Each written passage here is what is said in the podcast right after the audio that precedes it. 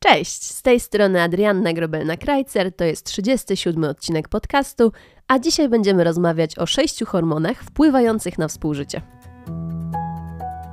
Pelwismet. Zadbaj o swoje zdrowie intymne na każdym etapie życia.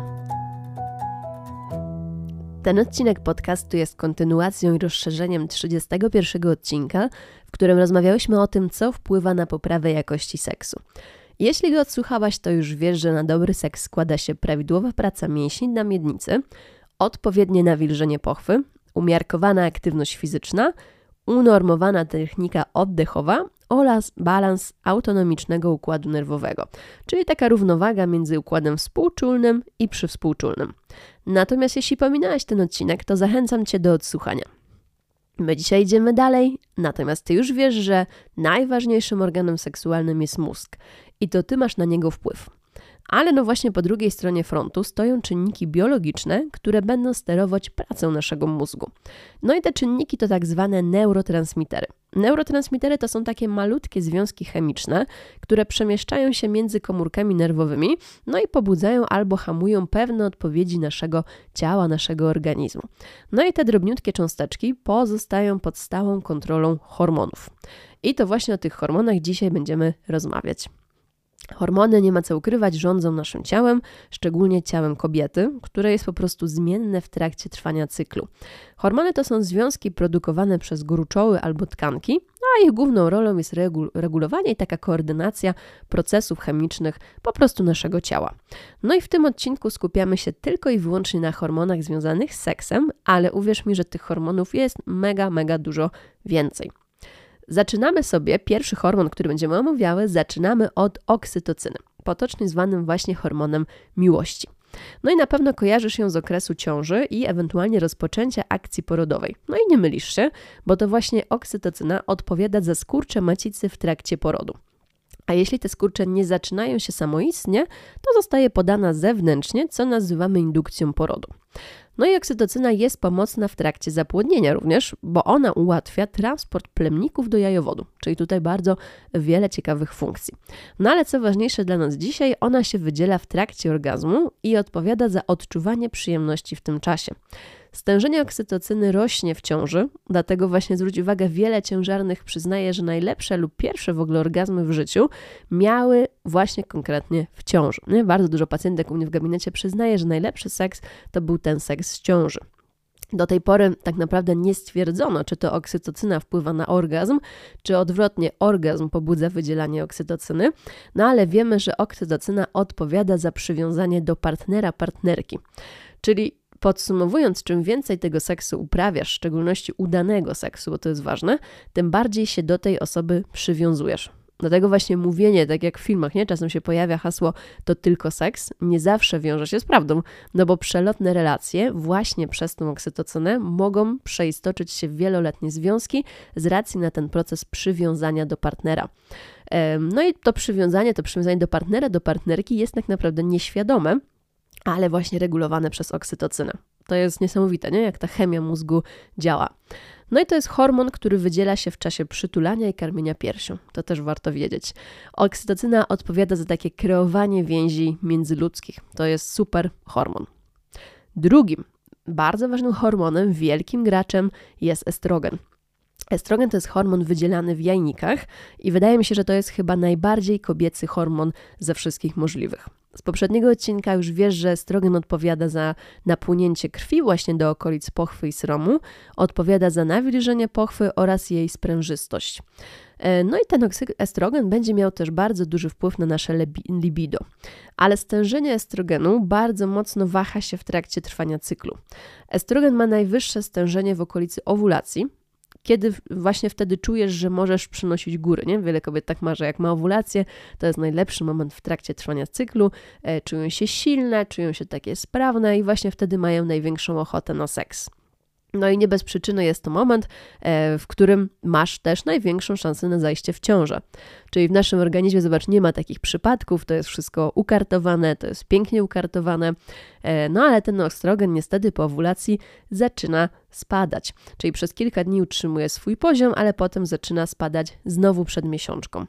W trakcie miesiączki poziom estrogenu jest niski, no a po miesiączce znowu zaczyna rosnąć. I tak to życie się kręci, nie? jak to mówią. E, mam nadzieję, że teraz widzisz, że nie zawsze musisz mieć taką samą ochotę na seks, nie? bo to jest zależne między innymi właśnie od stężenia estrogenu.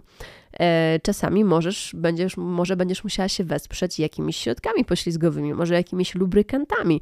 To jest normalne, że ta suchość pochwy albo wrażenie czasami suchości pochwy jest po prostu zmienne w cyklu. No ale problem z estrogenem może powodować również zaburzenia miesiączkowania. W ciąży również do tego wahania estrogenu dość mocno dochodzi, bo estrogen rośnie dość mocno na początku ciąży, potem się utrzymuje na stałym poziomie, no i drastycznie spada przed porodem. On się utrzymuje też niski e, w momencie, kiedy karmisz piersią po porodzie. Dlatego właśnie kobiety karmiące piersią mają bardzo częsty problem z suchością pochwy i z niskim libido. No to jest wszystko estrogen. No a jako, że estrogen jest produkowany w jajnikach, może zacząć go brakować. No nie może, no zaczyna go brakować w momencie menopauzy. Tutaj warto skonsultować się z ginekologiem, e, rozważyć hormonoterapię zastępczą lub miejscową. Po prostu nie warto się męczyć, bo ta, ta hormonoterapia naprawdę działa cuda. Zaburzenia estrogenu, one potrafią też po pojawić się w momencie przewlekłego stresu albo takiej bardzo intensywnej aktywności fizycznej lub nawet nieprawidłowej diety. Dlatego właśnie u wielu osób, które redukują bardzo kalorykę w diecie, może dojść do zaburzeń miesiączkowania. Często dziewczyny mówią, że zaczęły się odchudzać, bardzo mocno straciły tkankę tłuszczową, ta masa spadła i mają zaburzoną miesiączkę. Tutaj widzimy też bardzo ciekawą zależność. No ale jeżeli nie chcesz rozpoczynać farmakoterapii z jakiegoś powodu, to musisz wiedzieć, że na ten wpływ, na te stężenie estrogenu możesz też wpłynąć dietą. E, I tutaj bardzo ważne jest działanie tak zwanych fitoestrogenów, czyli to są takie naturalne estrogeny, które pojawiają się na przykład w produktach sojowych, w brokułach, szpinaku, fasolce szparagowej. Tych produktów jest cała masa, dokładne rozpiski są dostępne w, e, w internecie. Natomiast ja zawsze zachęcam w takich problemach, jeżeli mamy problem naprawdę z tym niedożywieniem, z zaburzeniem miesiączkowania, do konsultacji z dietetykiem klinicznym. On nas najlepiej, myślę, tutaj poprowadzi. No dobra, była oksytocyna, był estrogen, lecimy trzeci hormon, progesteron. Progesteron to jest taki typowo ciążowy hormon. On u ciężarnych wydzielany jest przez łożysko, u kobiet niebędących w ciąży głównie przez ciałko żółta. No i progesteron, podobnie jak estrogen, reguluje cykl miesiączkowy, czyli jego stężenie jest najwyższe tutaj około 7-8 dnia po owulacji. No i jeżeli dochodzi do zapłodnienia, pozostaje już stale wysoki. Natomiast jeśli ta kobieta nie zachodzi w ciążę, stężenie progesteronu spada i pojawia się miesiączka. No i wahania progesteronu odpowiadają za takie męczące objawy gromadzenia się wody w organizmie, no i co wiele kobiet ma problem, zespół napięcia przedmiesiączkowego. To również jest progesteron, więc jeżeli masz takie problemy przed miesiączką, drażliwość, zmęczenie, e, nie wiem, nadwrażliwość, światło, sutków, dotyk cię denerwuje, ogólnie wszystko cię denerwuje, warto zwrócić uwagę na stężenie progesteronu i po prostu zrobić badania z krwi. Trzecim hormonem, trzecim, nie czwartym już słuchajcie, hormonem będzie prolaktyna. Prolaktyna jest między innymi wydzielana, kiedy karmisz piersią. To jest hormon, y, który absolutnie nie toleruje stresu. Do tego bardzo często dochodzi do sytuacji, gdzie kobieta po porodzie w szpitalu niby nie ma mleka dla dziecka, ma zaburzoną laktację, nie może karmić, a nagle wraca do swojego spokojnego domu i laktacja się normuje. Magia, niektórzy mówią. No nie magia, tylko właśnie kwestia stresu, a prolaktyny. Tak więc stres, moje drogie panie, no właśnie ten stres nas zabija po prostu. Prolaktyna gwałtownie rośnie w trakcie, ale też po takim i po intensywnym wysiłku fizycznym. Um, i też nie warto badać stężenia prolaktyny, jeżeli dzień prędzej właśnie jakąś dużą aktywność fizyczną robiłaś, nie? Czyli jeżeli trenujesz crossfit, to na drugi dzień nie warto badać prolaktyny, bo te wyniki będą bardzo zaburzone. E, Prolaktyna rośnie w stresie, tak jak mówiłyśmy, w wysiłku fizycznym, ale też u osób, które zmagają się na przykład z niedoczynnością tarczycy, czyli też bardzo dużo teraz kobiet, nie? Niedoczynność tarczycy i też u osób, które e, przyjmują leki na nadciśnienie, też wbrew pozorom popularne. No i kiedy to stężenie prolaktyny jest bardzo wysokie, twoje libido po prostu spada na łeb na szyję, czyli ty nie masz ochoty na seks. E, jesteś bardzo nerwowa. No i co ciekawe, prolaktyna to jest ważne, słuchajcie, rośnie zaraz po orgazmie i daje nam odczucie takiego przyjemnego spełnienia. No ale jeżeli zwróćmy uwagę, to stężenie prolaktyny jest stale w naszym życiu wysokie, to nasze ciało interpretuje to tak, jakbyśmy cały czas były na takim haju po orgazmie, więc obniża nam libido, no bo już nie potrzebujemy tego seksu, nie? Więc to jest wszystko, zwróćcie uwagę, jak bardzo ze sobą sprzężone. I yy, mamy tutaj kolejną tak naprawdę przyczynę braku chęci współżycia u kobiet karmiących piersią. Nie? Miałyśmy na początek niski estrogen, mamy tutaj wysoką prolaktynę. Piątym, bardzo istotnym hormonem jest dopamina. Dopaminę możemy trochę porównać do takiego hazardzisty, który potrzebuje grać, bo jest uzależniony nie, od tej gry.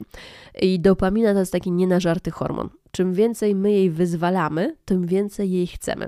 Ona odpowiada za popęd, ona odpowiada za motywację, ale nienawidzi, kiedy mm, pojawia się taka nuda nie, w naszym życiu, więc cały czas szuka takiego pobudzenia i szczęścia. E, jest potocznie zwanym hormonem szczęścia. A właśnie motyle w brzuchu, takie przysłowiowe, o których na pewno słyszałaś, to też jest zasługa dopaminy. E, dopamina zwiększa naszą motywację do działania i ma duży wpływ na takie relacje między ludźmi. To stężenie dopaminy wzrasta, kiedy oczekujemy jakiejś przyjemnej czynności, czyli na przykład właśnie seksu, ale co ciekawe, to może być jakaś prozaiczna czynność, czyli na przykład nie wiem, zjedzenie ulubionej czekolady, y, u niektórych to może być na przykład wypicie konkretnego alkoholu albo właśnie wspomniana jakaś wygrana w kasynie ale nasz organizm niestety dość łatwo przyzwyczaja się do czegoś przyjemnego, czyli na przykład tego orgazmu. E, I żeby osiągnąć następnym razem podobny efekt, potrzebuje zwiększenia dawki tego bodźca. Dlatego może to właśnie uzależniać, nie? może prowadzić do uzależnień. Zarówno nadmiar i niedobór dopaminy są groźne dla naszego ciała. E, no, w nadmiarze dopamina powoduje problemy z koncentracją, jakieś wspomniane już przeze mnie te skłonności do uzależnień, ale kiedy mamy za mało dopaminy, no to możemy odczuwać zmęczenie, apatię, taki brak energii, e, czasami nawet właśnie stany depresyjne. No i nasz ostatni hormon, szósty hormon, to zostajemy sobie na tej fali szczęścia, nie możemy pominąć oczywiście serotoniny. E, serotonina to jest bardzo ciekawe, w 90% słuchajcie, zostaje wydzielana przez jelita. Czyli tutaj to, co zjesz, ma ogromne znaczenie na poziom i odczucie Twojego szczęścia. Jeszcze raz to podkreślamy: to, co zjesz, ma poziom, ma wpływ na poziom Twojego szczęścia. Serotonina w dużym skrócie powstaje z aminokwasu o nazwie tryptofan. No i tutaj pojawia się problem, ponieważ tryptofan należy dostarczyć do organizmu właśnie z pożywieniem, czyli to jest aminokwas, którego sami sobie nie wyprodukujemy. E, produkty tak dla podpowiedzi, które są bogate w tryptofan, to m.in. będą ryby, to będą banany, to będą jaja, e, ziarna słonecznika, awokado, to może być łosoś, orzechy czy na przykład migdały. Tych produktów jest dużo. E, tutaj też, żeby ten tryptofan dobrze pracował, potrzebne będą witaminy B6, witamina B9 i witamina B12. No a niedobór serotoniny, właśnie podobnie jak w przypadku dopaminy, będzie prowadził do apatii, będzie prowadził do zmęczenia, a nawet ponownie właśnie do depresji. Ale w zbyt dużych ilościach ta serotonina też nie jest wskazana, bo nie, ponieważ ona w zbyt dużych ilościach może hamować libido, a u kobiet wydłuża czas osiągnięcia orgazmu. Czyli też ani za dużo, ani za mało, idealnie w punkt. Myślę, że y, sześć hormonów omówiłyśmy, czyli jeszcze raz oksytocyna, estrogen, progesteron, prolaktyna, dopamina i serotonina. Zapamiętajcie te sześć hormonów, bo to one w dużej mierze sterują waszym życiem seksualnym. No ale możecie zapytać, po co w ogóle to wszystko, nie? Po co ja mam to wiedzieć? No ja uważam, że znajomość fizjologii i procesów, które zachodzą w naszym ciele y, jest ważna, bo może w wielu przypadkach przynieść spokój i zrozumienie.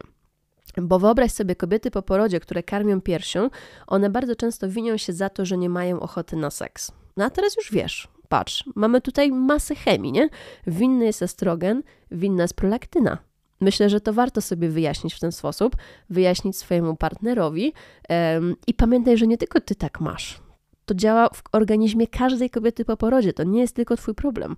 Dalej, na przykład kobiety w okresie menopauzy, nie? męczące się z suchością pochwy, nie wiedzą skąd ona się bierze, nie wiedzą skąd ona pochodzi, a tu znowu możesz podziękować estrogenowi. Tak więc ta wiedza jest bardzo ważna. I zobacz też kolejna rzecz, na większość tych hormonów możemy wpłynąć w dużej mierze dietą, możemy wpłynąć aktywnością fizyczną, czyli rozumiejąc jak działa nasz mózg i cały ten kompleks neuroprzekaźników, możesz poprawić naprawdę realnie jakość swojego seksu.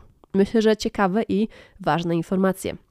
Dziękuję Wam na dzisiaj. Ja już więcej nie będę dodawać, jeżeli chodzi o temat hormonów. E, pamiętajcie, 31 odcinek podcastu, dzisiejszy odcinek podcastu są ze sobą tak naprawdę nierozerwalne. Mam nadzieję, że podobała Wam się ta informacja. Mam nadzieję, że znowu czegoś się dowiedziałyście, dowiedzieliście. Zachęcam Was do udostępniania tego odcinku podcastu. Dla mnie to jest zawsze największa nagroda. I oczywiście standardowo zapraszam Was na mojego bloga Fizjoterapia na Szpilkach, również na Instagram pelvis.com, gdzie znajdziecie więcej filmików już w temacie współżycia, poprawy jakości swojego stosunku oraz oczywiście do naszego gabinetu i na stronę pelvis.com, gdzie znajdziecie wszystkie dane kontaktowe. Dziękuję Wam serdecznie. Jeżeli coś jest niejasne, jeżeli temat hormonów pozostawia jakieś wątpliwości i macie pytania, śmiało zadawajcie je w komentarzach. Ja się postaram na wszystkie standardowo odpowiedzieć. Do usłyszenia w kolejnym odcinku podcastu.